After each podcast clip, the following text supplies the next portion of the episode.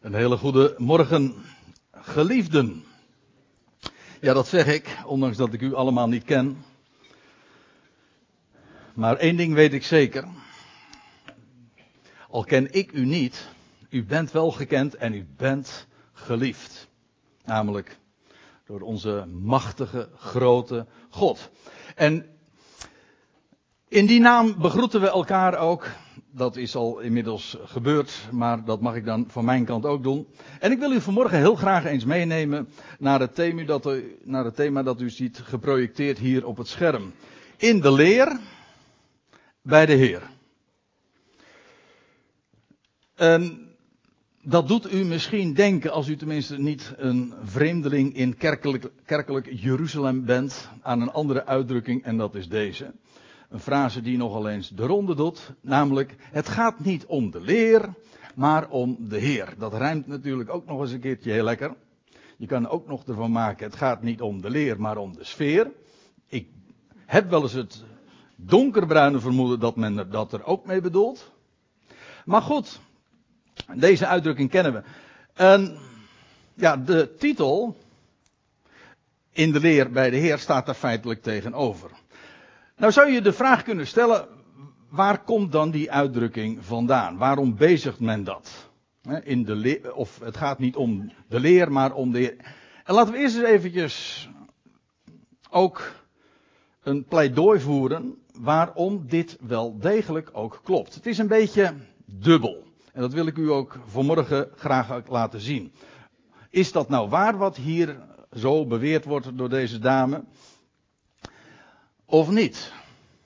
En het antwoord is uh, nee en ja. Dat klinkt lekker politiek en diplomatiek. Maar ik denk dat ik het toch wel duidelijk kan maken. Laat ik u eerst eens meenemen naar een, een schriftplaats, Matthäus 15. Ik wil nogal wat schriftplaatsen laten zien.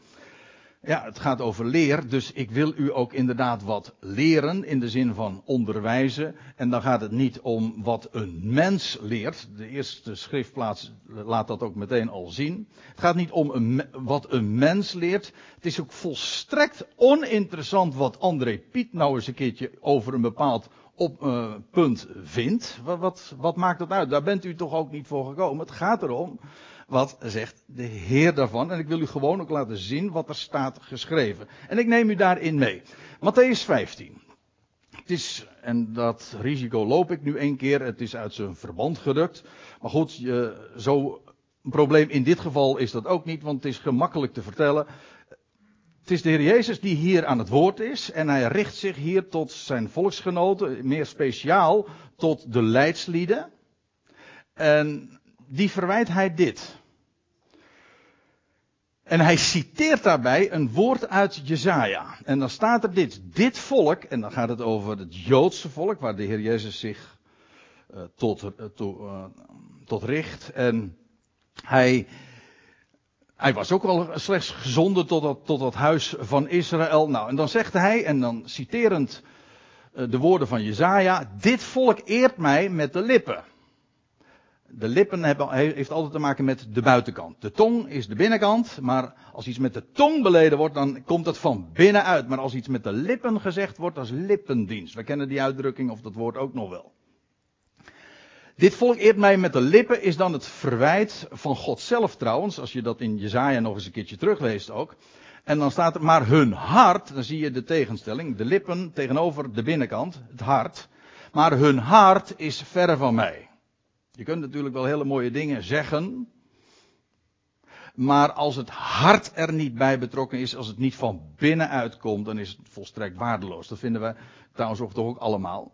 Dat is op zich niks nieuws. Als iemand alleen maar iets zegt, maar je weet, hij meent er helemaal geen klap van, dan is het volstrekt waardeloos. Er wordt hier trouwens nog iets bij gezegd, namelijk, te vergeefs eren zij mij, met de lippen dus, Waarom? Omdat zij leringen leren die geboden van mensen zijn. En als ik deze schriftplaats eventjes vergelijk met wat, we, wat ik net liet zien, om die, die frase die in de kerkelijke, de christelijke wereld in het algemeen nog wel bekend is, het gaat niet om de leer, maar om de Heer, dan begrijp ik het heel goed. Het gaat niet om de leer, nee, natuurlijk gaat het niet om de leer. En dat wil zeggen, niet om leringen van mensen, alsjeblieft zeg. En dit was al in de dagen van Jezaja het geval. Dat men zelf allerlei dingen bedacht had. Ijs op ijs, wet op wet, gebod op gebod. En Jezaja verzucht het.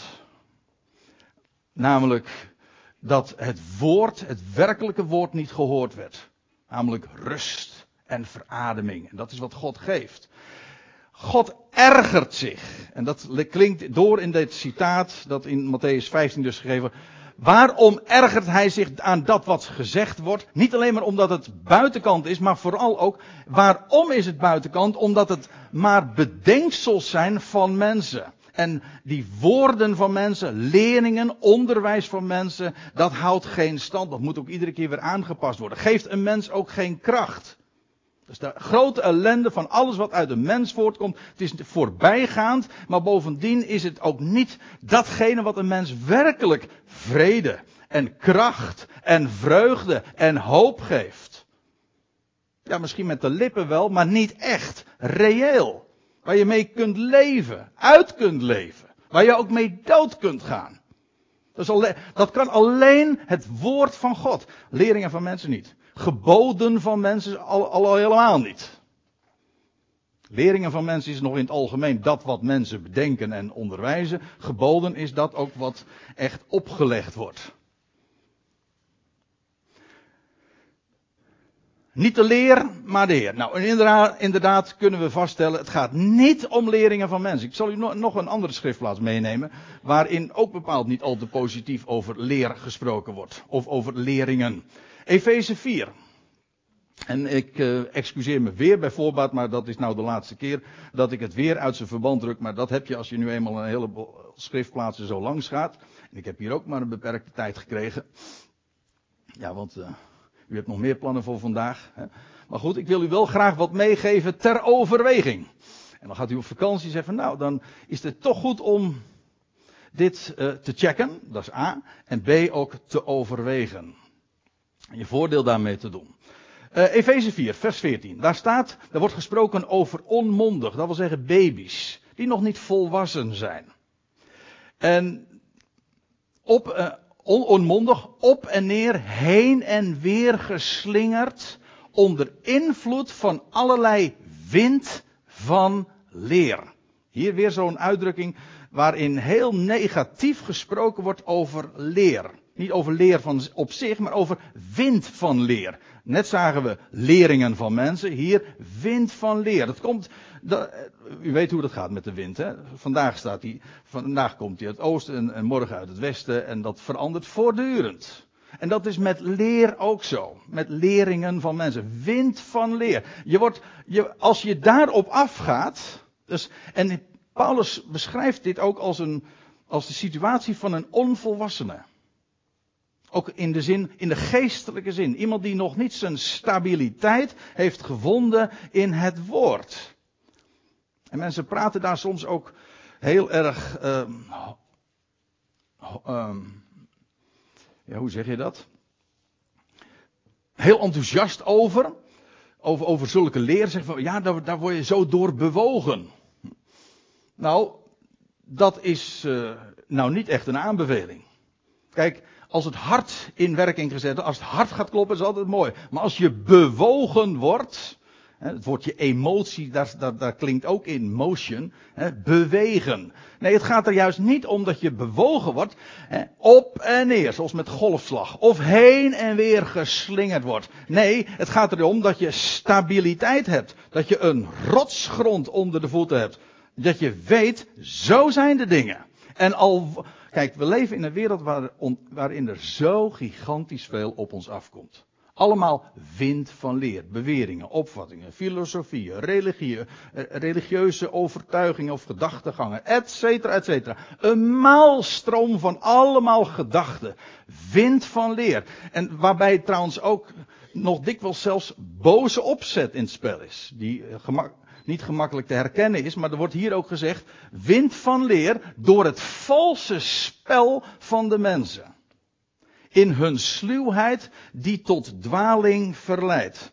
Het is niet alleen maar een kwestie van misleid worden, maar ook echt van misleiding die opzettelijk is. Expres is men erop uit om je op het verkeerde been te zetten.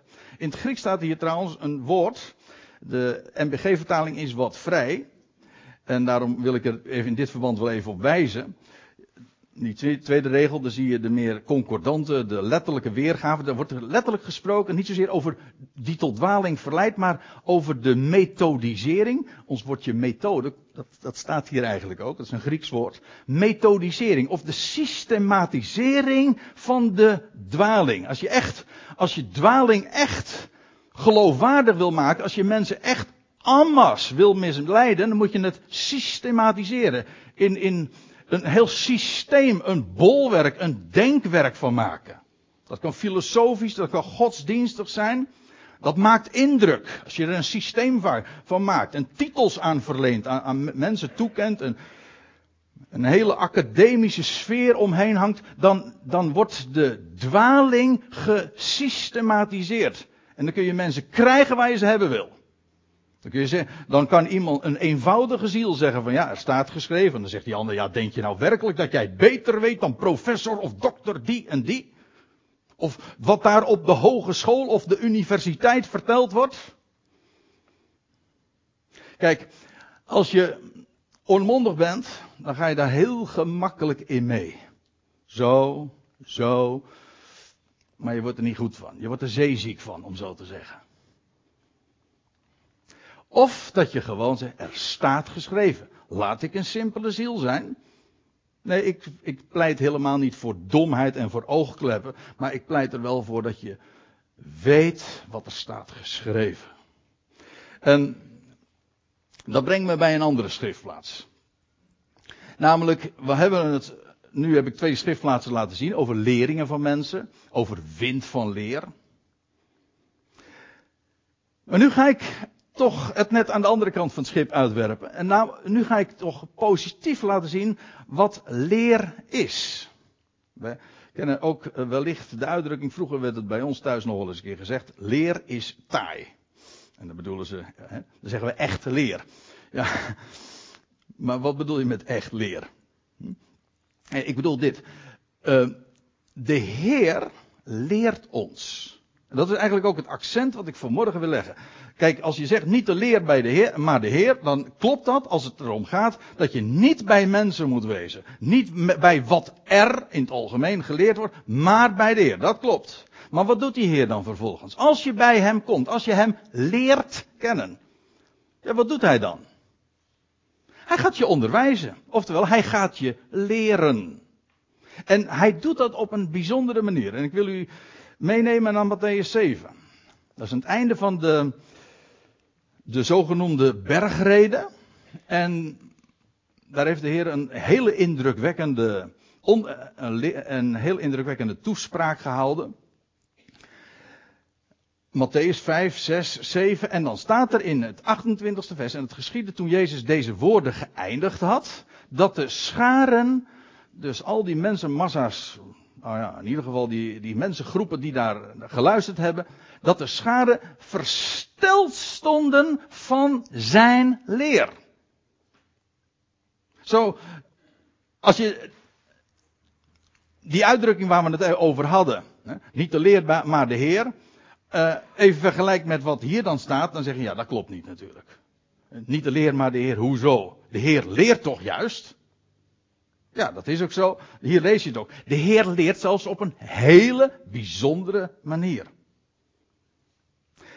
Er staat, ze stonden versteld over zijn leer. En het wordt ook uitgelegd waarom. Want er staat er in het 29e vers, want hij leerde hen als gezaghebbende. Niet als hun schriftgeleerde. De wijze waarop de Heer zijn onderwijs gaf, was indrukwekkend. Ze stonden versteld daarvan. Over, zijn over de inhoud van wat hij hen had te vertellen, maar ook over de manier waarop. Het was namelijk, het had gezag. Hoort u wat ik zeg? Ik zeg, het had gezag. Het was niet autoritair. Autoritair wil zeggen dat iets wordt opgelegd. Jij moet naar mij luisteren, dat is autoritair. Maar gezaghebbend is wat anders dan gezageisend. Gezaghebbend wil zeggen, je hebt iets te zeggen dat zo indrukwekkend is, waar je niets tegen in kunt brengen. Paulus spreekt er ook over in de Titusbrief, dat hij spreekt over een onweerlegbaar, on, on, onweerlegbaar woord, dat de tegenstanders de mond doet snoeren. Daar, daar valt niks meer tegen in te brengen. Misschien roept het heel veel uh, agressie. Nou, agressie is misschien niet het juiste woord, hoewel, dat kan ook. Of aversie. Of uh, prikkeling of irritatie op. Dat kan, ja, heel vaak zelfs. Want de waarheid is hard. Bij een andere gelegenheid lees je dat de Heer ook gesproken had. En dan wordt er alom gezegd uh, door de mensenmasses. Deze reden is hard. En ze gingen allemaal weg. Allemaal. Daar, uh, ja, ik weet niet of ik het juiste woord gebruik in dit verband heb, maar, of daarvoor kies. Maar de Heer maalde daar niet echt om. Sterker nog, dat groepje dat toen overbleef, waar ik zojuist even aan refereerde, daarvan zegt de Heer, willen jullie nou ook niet weggaan? Gaan, gaan jullie ook mee op? En dan is Petrus die de woorden ontlokt worden van, waar zouden we heen gaan? Bij u, u hebt woorden van eeuwig leven. Even terugkomend op dit, dit woord, vers 29. Hij leerde hen als gezag hebben. De Heer die sprak namelijk met gezag. Daar was niets tegen in te brengen. Hij zei ook altijd, er staat geschreven. Kijk, die schriftgeleerden die vertel, die haalden vooral elkaar aan.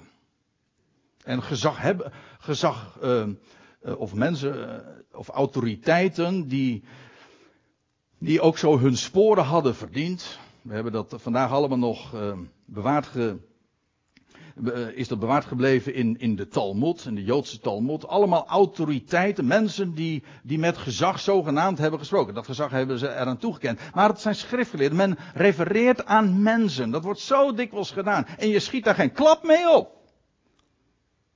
Wat Jezus deed was heel anders. Hij vroeg niet of wat ze ervan vonden. Hij zei ook niet van je moet dit zo denken. Hij, zijn woorden waren gezaghebbend. Er was niets tegen in te brengen. Het was duidelijk, onmiskenbaar. Wo woord Gods. Ook wilde men dat niet erkennen, men kon het niet weerleggen. Daar gaat het maar om. En de, de dat is ontzettend belangrijk. Als je het hebt over de leer van de Heer, ja, wat is daar zo karakteristiek aan? Wel, het is onmiskenbaar zijn woord. Het heeft te maken met wat er staat geschreven. Wat je niet hoeft te verdedigen, je hoeft het alleen maar te vertellen. Een leeuw hoef je ook niet te verdedigen. Laat hem maar gewoon los. En dat is met, die, met de woorden Gods ook. Die hoef je niet te verdedigen. Vind ik altijd geweldig trouwens. Ook in de gesprekken met andere mensen. Spreek gewoon dat woord. En dan zal altijd dat woord zijn kracht bewijzen. Het is woord Gods, toch? Nou. Nou zou je natuurlijk kunnen zeggen van ja, hallo, uh, Jezus, je gaf het zelf al even aan. Dat hij sprak tot het Joodse volk. Hij, hij, hij sprak de, het volk van Israël, het huis van Israël aan. Maar ja, die Bijbel dat is maar een heel moeilijk boek. Wat zeg ik? Het is een, dat, dat kun je niet begrijpen. Waar, waar moeten wij nou wezen? Kijk, die Bijbel is een heel dik boek. Hoe vind je daar nou je weg in? Nou, daar heb ik een geweldig antwoord op. En ik wil u meenemen naar de eerste Timotheusbrief. Daar lees je dit. En wat Paulus daar eigenlijk geeft, is in het kort de boodschap die hij had te melden. Ik zal het u straks ook laten zien. En ja, hij begint hier in vers 5 dan met want. En dat is uiteraard een reden van waarom hij het voorgaande had gezegd. Dat laat ik nu eventjes allemaal uh, liggen. Ik begin gewoon bij deze zin. Want zegt hij, er is één God. Dat is ongeveer, ik zeg ongeveer, maar dat is de basis van het hele Bijbelse onderwijs. Vraag het een Jood maar, waar gaat het nou al, allemaal om? Om het onderwijs dat er één God is. Een Jood staat ermee op en dan gaat ermee naar bed. Het zogenaamde Shema Israël. En als aan Jezus gevraagd wordt, wat is het belangrijkste, dan zegt hij, hoor Israël, de Heere onze God, de Heere is één. Eén God. En Paulus heeft dat onderwijs van die ene God. Niet drie, één. Eén God. Want er is één God. En er is ook één middelaar van God en mensen. De mens Christus Jezus. En dan voegt hij eraan toe die zich gegeven heeft ooit tot een losprijs voor allen. Ja. Is één God. vind ik zo geweldig. Om dat te beseffen. Ik heb in de afgelopen week heel wat, wat nare dingen ook eh, gehoord en meegemaakt. En uh, dat de dood soms ook heel dichtbij komt. En ik heb ook nog weer gesprekken gehad met iemand die, die van geloof van, van God niks moet weten, want die is verschrikkelijk boos op God. Ja, dat, dat, dat was in dit geval absoluut een niet-christen atheïst. Maar, ach, dat kunnen ook gelovigen zijn. Of christenen, laat ik het zo zeggen. Die verbitterd zijn. Maar het is zo basaal om te weten. Er is één God. Eén die alles plaatst. Goed, maar ook kwaad. Dat er niets gebeurt zonder een bedoeling. Een God die de hemel en aarde gemaakt heeft en die in staat is, wat dacht u? Dat hij daar niet toe in staat zou zijn, die in staat is om elke min tot een plus te maken. Ik had er van de week nog, zoals gezegd, een gesprek mee en het was ongeloof. En inderdaad moet je dan terugtreden, want ik kan niet de ogen van een ander openen. Ik ben alleen maar uh, ontzettend dankbaar. Ik kan God op mijn blote knietjes dagelijks danken voor het feit dat ik dat mag weten. Ik zou niet weten waar ik naartoe moest. Als je uh, niet zou weten, dat zou beseffen. Er is één die alles in plaats. Uh, ik begrijp er geen uh, geen snars van. Laat ik het, maar, laten we het netjes houden. Van he, alle, waarom gebeuren dingen? We hadden van de week, nou laat ik het een voorbeeld geven. Uh, een, een, een overbuurvrouw, een, nou, die we dus dagelijks zagen. Zeven jaar lang een lijdensweg. Nu op 41-jarige leeftijd overleden. Laat een gezin achter. Van kinderen van in de leeftijdsklasse van 11 tot 16. Het is zo dramatisch. En dan aan de andere kant mensen. Ik was afgelopen vrijdag bij een vrouw die 42 was. En die verlangt ernaar om dood te gaan. Liever vandaag dan morgen. Zo'n lijdensweg. En dan vraag je, waarom, waarom? Tenminste, wat is er menselijker dan dat? Dat had ik dus ook in dat gesprek met die atheïsten. kwam dat ook te sprake. Waarom dan? En toen zei ik, God maakt geen fouten. Nou, ze zegt, ik vind van wel. Ik begrijp het heel goed. Ja, God zal zijn gelijk gaan bewijzen. Het verhaal is nog lang niet af. Maar er is één God. En die ene God, die heeft één iemand gegeven, die zich gegeven heeft tot een losprijs voor allen. Ja, voor allen. De prijs is voor iedereen betaald. Iedereen is zijn eigendom. Laat u niks anders wijsmaken door wind van leer, maar dat is wat de schrift zegt. En dan wil ik nog wat zeggen, want ik, ik moet wel uh, doorgaan, zie ik. En daarvan wordt getuigd, hè, van, deze, van die ene God en van die losprijs die is betaald door die mens Christus Jezus. Daarvan wordt getuigd de juiste tijd. En Paulus voegt eraan toe. En ik, Paulus, ben daartoe als een heraut, een verkondiger. Als een apostel. Dat wil zeggen iemand die afgevaardigd is. Met, met, op gezag van en onder de autoriteit van hem die mij afgevaardigd heeft. Ik ben daartoe als een heraut en als een apostel gesteld. En Paulus benadrukt nog een keer, ik spreek waarheid, geen leugen als een leermeester van natieën in geloof en waarheid. Ik heb het even letterlijk ook weergegeven zoals het staat. Kijk, dit is zo geweldig. Wij hebben een sleutel in handen tot de Bijbel. Dus als je kan zeggen van ja, die Bijbel is een dik boek, hoe kom je er naar achter, waar moet ik beginnen? Nou, die hele Bijbel is voor ons, lees het en doe je voordeel mee. Maar we hebben een leermeester nodig. Wees nou reëel mensen. Je hebt een leermeester nodig. Iemand die je de weg wijst. Ook in die schriften. Want sommige mensen komen gewoon via de verkeerde deur naar binnen. Dan beginnen in de evangelie. En of ze beginnen bij de boeken van Mozes. En zeggen, ik snap er niks van. Nee, maar je moet ook beginnen eerst bij degene die jou de weg wijst. In heel die schrift, laat ik dat erbij zeggen. Maar een leermeester van de natieën. Wij zijn de Goyim, de natieën, niet Joden. De Bijbel is voor het grootste gedeelte, om niet te zeggen, het is volstrekt, eh, het is een boek voor Israël. Hunner zijn de woorden Gods toevertrouwd. Ja, maar hoe vinden wij onze weg? Daar heb je een leermeester voor nodig en dat is Paulus. Paulus is daar zelfs expliciet toegesteld om te leren, namelijk de natieën in deze dagen. Spreek waarheid, geen leugen, voegt Paulus aan toe, in geloof en waarheid. Dat is onze leermeester. Wij zijn, horen tot de natie, we hebben een leermeester. Daar moet je wezen. En wat hij vertelt, dat is echt gezonde leer, kan ik u vertellen. Moet ik er wel één ding bij zeggen, je wordt er niet populair van. Nee, dat is echt waar. Dat zeg ik niet, uh, helemaal niet om grappig te zijn. Dus ik zou ook niet weten wat er grappig aan is. Maar Paulus aan het einde van zijn leven, toen hij in de gevangenschap, vang, ja, zeg het maar, in de gevangenis zat, waren een van zijn laatste woorden, toen heeft hij er al voor gewaarschuwd, Timotheus, die het stokje van hem overnam. Hij stond op het punt geëxecuteerd te worden en Paulus had nog een aantal hele belangrijke dingen te melden. En dan waarschuwt hij Timotheus in zijn dagen dus al. Hij zegt, er komt een tijd dat de mensen de gezonde leer niet meer zullen verdragen. Hij praat hier gewoon generaliserend, de mensen.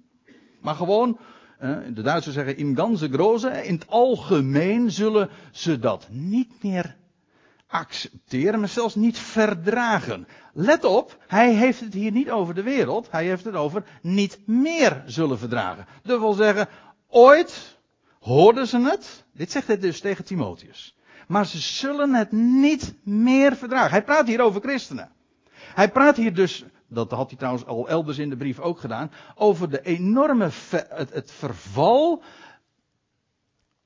wat hij trouwens in zijn dagen al meemaakt, want hij klaagt in het eerste hoofdstuk al van alle die in Azië zijn. Waar hij een hele spoor van gemeente had achtergelaten ooit in zijn dagen, zijn goede dagen zeg maar. Hij zegt, alle hebben ze me verlaten. En nou waarschuwt hij Timotheus, er komt een tijd dat men in het algemeen de gezonde leer niet meer zal verdragen. Maar omdat hun gehoor verwend is, naar hun eigen begeerte zich tal van leraars zullen bijeen verzamelen. Ja, die hen bevestigt in hun gedachten die ze toch al hadden. Waar je dus, dus helemaal niks van leert. Hm? Maar eh, het punt is natuurlijk die eigen begeerte. Gewoon naar wat ze zelf leuk vinden. Nou, laat ik u dit vertellen, dat verandert, van, eh, dat verandert iedere keer. Er is niks veranderlijker dan menselijke leer. Menselijke ideeën. De waan van de dag. Hype zijn dat. Vandaag leven we helemaal waar, uh, in een tijd waarin dat zo verschrikkelijk snel gaat. Het ene is nog niet, het ene is nog niet voorbij of het andere is er al. Paulus waarschuwt, het is die gezonde leer, dat gezond betekent, het is gezondmakend, vitaliserend, het is ook gezond in de zin van uitgebalanceerd. Het geeft je kracht, stabiliteit. Maar hij zegt, wees gewaarschuwd, de, dat zal niet algemeen geaccepteerd worden. En dan zeg ik het nog netjes. Men zal het zelfs niet meer verdragen. Dus als u nou zegt van ja, ik wil graag leer hebben uh, die men in het algemeen, christenen, uh, fijn vindt, zeg maar de gemene deler, wat we algemeen, wat ons bindt, laten we daarop houden. Dan zeg ik nou, dan zit je mooi in de, dan zit je mooi in het verkeerde gezelschap. Want, al, tenminste, als je in het gezelschap wil blijven van degene die de gezonde leer wil houden. En hoe weet je nou wat gezonde leer is? Waar heeft dat mee te maken? Dan neem ik u nog naar een andere schriftplaats mee. Ik heb nog maar korte tijd, dus ik moet nu echt wat meer gaan opschieten. Dus dan gaan ze erachterin erg lastig doen. Uh, 1 Timotheus 1. Daar spreekt hij weer over de gezonde leer. Dat is een uitdrukking die Paulus nog wel eens bezigt. De gezonde leer. Ik vind het een prachtig woord. Onderwijs dat gezond is. Vitaal, krachtig, rotsvast. En dan zegt hij in overeenstemming met. We hebben het zojuist trouwens nog gelezen. Die gezonde leer die is naar of in overeenstemming met het evangelie, de blijde boodschap, de goede tijding. Het evangelie van de heerlijkheid van de gelukkige God. Ik heb het meteen even goed weergegeven, tenminste wat duidelijker. Want in de NBG-vertaling, daar staat de zalige God. Dat is een prima woord, maar geen hond weet nog wat het betekent. Er staat gewoon het woord gelukkig. Het Griekse woord voor gelukkig. Het evangelie, Paulus zegt die gezonde leer, wat, waar heeft dat mee te maken? Waar is dat mee in overeenstemming? Wel, met het evangelie, het goede bericht van de heerlijkheid van de gelukkige God. Dat is een van mijn meest favoriete uitdrukkingen in de hele Bijbel. De gelukkige God. Er is er één die alles kent, die leidt, ja, die mee, hij heeft zijn schepping lief, elk schepsel. Dus omdat hij een vader is van barmhartigheid, leidt hij ook met elk schepsel mee. En desalniettemin, die God die al het lijden kent, die is gelukkig. Moet je daar eens aan denken. Als degene die al het kwade kent en zelfs een plaats geeft. Als hij gelukkig is. Waarom zou ik dan niet met hem gelukkig zijn? Welke reden heb ik dan? Het evangelie is zo'n evangelie omdat we een gelukkige God hebben. Dat betekent in de praktijk, het is een God die bereikt, of die gelukt, mooi woord in dit verband, die woordspeling gaat alleen in het Nederlands op, maar die gelukt wat hij zich ten doel stelt. Wat hij voor ogen heeft, dat bereikt hij. En hij heeft elk schepsel lief. Hij laat nooit varen. Men weet het wel hoor. Men. Hè.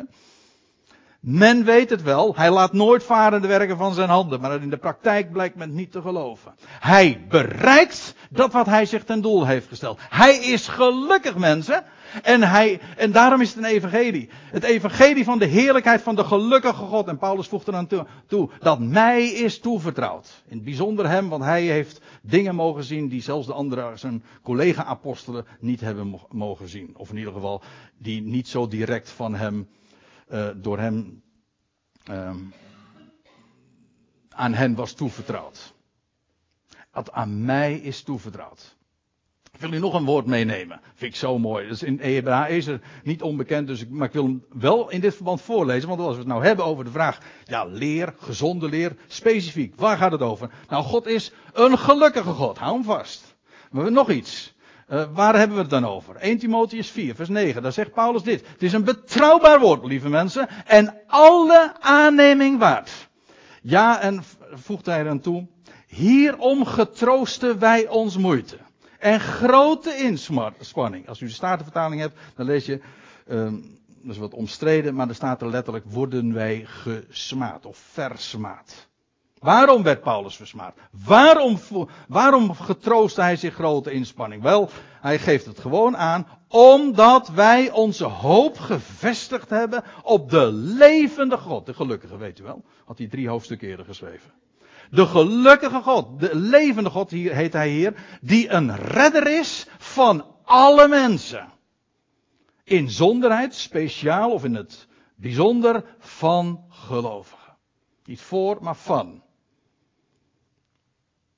Zo geweldig. De losprijs is voor jou en voor al die miljarden mensen betaald. Er is één God en Hij is niet alleen de schepper, maar ook de redder van alle mensen. Daar hoef je niks voor te doen, want het is namelijk zo. Geloof het. En Paulus zegt, daarom zetten wij ons in. Dat moet eruit. Dat zou verteld worden. Verzin ik dat? Nou, nee, hij had het al in vers 9 gezegd. Het is een betrouwbaar woord, het is alle aanneming waard. Daarom ging hij, daarom werd hij versmaad. Daarom was hij, uh, getroost hij zich grote inspanning en moeite. En hij voegde er nog aan toe bij Timotheus. Beveel, dat is nogal krachtig hoor. Dat wil zeggen, het is niet optioneel. Zo van nou, als je het nou leuk vindt, dan moet je dat ook eens een keertje doen. Nee, beveel en leer dit. Grappig. Nou, zo grappig is het niet, maar het is indroevig. Maar ja, als je erover nadenkt en op afstand, dan zeg je het is toch absurd dat juist als je dit leert, dan zeggen ze dat is dwaalleer. Dat is een hele grote, afschuwelijke dwaalleer. Hun autoriteit zei eens een keertje: het is de, het is de meest afschuwelijke en moeilijkst, moeilijk te ontrafelen dwaaleringen in de christenheid. Ongelooflijk. Het is echt waar, men verdraagt het niet. Maar mensen, leer dit, zegt Paulus. En het is zo geweldig. Dit, ik hoef niet uit te leggen waarom dit zo geweldig is, toch? Ik hoef niet te vertellen, als jij, als jij je nou bekeerd wordt, hij jouw redder. Nee, ik vertel, hij is jouw redder. Dan zeg je, ik moet er niks van hebben. Hij is jouw redder. Maakt me niks uit. Hij is jouw redder. En je zal het eens geloven. Je bent gezegend als je nu al je knieën buigt, maar ik weet één ding zeker, zeg, ik tegen iedereen. Vind ik leuk. Ja, ik vind, het ook, ik vind het ook wel eens leuk om te provoceren, maar eigenlijk dit is ook heel provocerend, maar het is zo mooi. Zo mooi, je knieën gaan buigen. Doe je het nu niet? Doe je het nu niet? Dat is heel jammer. Maar je zal een keer doen. Dan wil ik nog één woord meegeven. En dat is inderdaad kort, want ik zit inmiddels in mijn blessuretijd. Titus 2. Daar gaat het ook nog over de leer. Daar schrijft Paulus dit. Aan slaven specifiek. En dan uh, wat over de instructies die zo aan diverse groepen gegeven zouden worden. Daar gaat dat hele hoofdstuk in Titus over. En dan zegt hij over de slaven dit. Dat de slaven hun meesters. De slavernij is inmiddels natuurlijk al lang breed afgeschaft. Wij hebben, wij hebben allemaal, wij hebben, werk, wij hebben werknemers met rechten. Nou ja, wat daar van overgebleven is dan, hè? Maar goed. Uh, in die dagen slaven. Dat is, en dan zegt hij, Paulus eh, predikte niet de revolutie, nee, hij predikte dit. Hij zegt dat de slaven hun meesters onderdanig zijn in alles. Hm? Lezen verder. Het hun naar de zin maken. Nou, ik hoef dit verder niet uit te leggen. Zonder tegenspraak. Lijkt wel of het steeds moeilijker wordt, hè? Zonder tegenspraak of oneerlijkheid. Hoe gemakkelijk zou het niet zijn om, als, eh, als, zeker als je dan een meester hebt die jou onderdrukt en die jou onrecht aandoet, dan om tegen te spreken en om wat te ontvreemden. Hij doet dat op de slotverrekening zelf ook. Zonder tegenspraak of oneerlijkheid. Maar, zegt Paulus, alle goede trouw bewijzen. Waarom? Dan zegt hij, nou komt hij. Dit is zo mooi. Om de leer van God, onze redder, in alles te versieren. Er wordt tegen slaven gezegd die in moeilijke situaties zijn, zich bevinden. Maar wat zouden ze doen? Om de leer van God, onze redder, in alles te versieren. Of andere vertalingen zeggen, tot sieraad te strekken. Als je nou vraagt over de praktijk, hè, leer en leven, waar gaat, waar gaat het nou om? Mensen zeggen wel eens een keertje, het gaat niet om de leer, het gaat uiteindelijk om de praktijk. Hier zie je het omgekeerde. Het gaat in de praktijk, in de wandel, juist om de leer van God. Het gaat niet in de leer van God om onze praktijk. Het gaat om in onze wandel, in alles, gewoon ons hele dagelijkse leven, één ding te doen. Om de leer van God, onze redder, God is onze redder, we zagen het net toch? is de redder van alle mensen. Om de leer, het onderwijs van God, onze redders, te versieren. Ze zeggen wel eens een keer, het leven is een feest. Wat ik trouwens niet mee eens ben, maar goed. Hm? Nee, niet in het algemeen. Ik zou zo een aantal mensen naar voren kunnen halen die zeggen, nou het leven is niet echt een feest hoor. En maar dan zegt men, het leven is een feest, maar je moet zelf de slingers ophangen. Nou, dat gaat, dat gaat hierop. Dus dat is, ja, wat, waar gaat het nou eigenlijk in ons leven om? Nou, laat ik even bij dit vers blijven. Gewoon mensen de slingers ophangen. Vandaag, morgen, gewoon de slingers ophangen. Laat maar zien hoe geweldig het is dat God onze redder is. Niet waarbij je vertelt wat die ander zou moeten doen. Wordt hier ook helemaal niet tegen die slaven gezegd. Dat ze, dat ze hun meester zouden moeten bepreken. Nee, versier de leer van God onze redder. En dan moet u, moet u opletten wat er nog bij staat. Want, dat is een bekend vers, maar dat is de reden.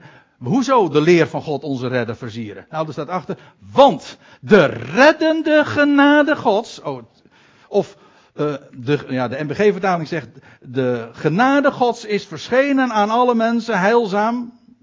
Nee, ik, ik, citeer het nou verkeerd. Maar goed, uh, de, dit staat er. De genade Gods is reddend verschenen aan alle mensen. Dus ook die meester van jou. Die man die jij misschien niet kan zetten. En die jou onderdrukt. Of die jou geen recht doet. Mensen, het is een feest. Hij is, hij is de redder ook van die man. Of van die vrouw, of van je buurman, of, of je collega. Hij is de redder van al die mensen. Je mag gewoon de leer van God onze redder versieren. Hij is God. Hij is hun redder. En de uitdaging in ons leven is inderdaad om de slingers op te hangen. Het is een feest om Hem zo te verheerlijken, want dat is waar het om gaat. Ja, en ik wilde het graag samenvatten. Nou, oké, dat doe ik. Uh, dan lees ik het alleen voor.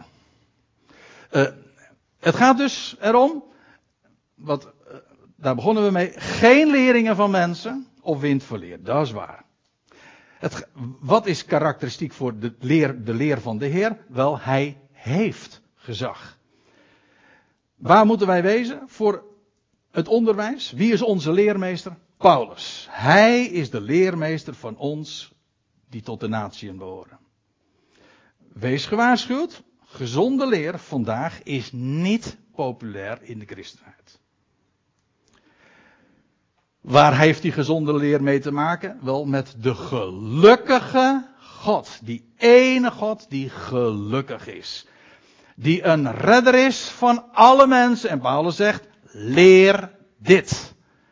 En dan, tenslotte, dat is het laatste wat we gezien hebben. Die leer mogen we in de praktijk van vandaag, morgen, elke dag van ons leven, de leer van God, onze redder, versieren. In alles. Amen.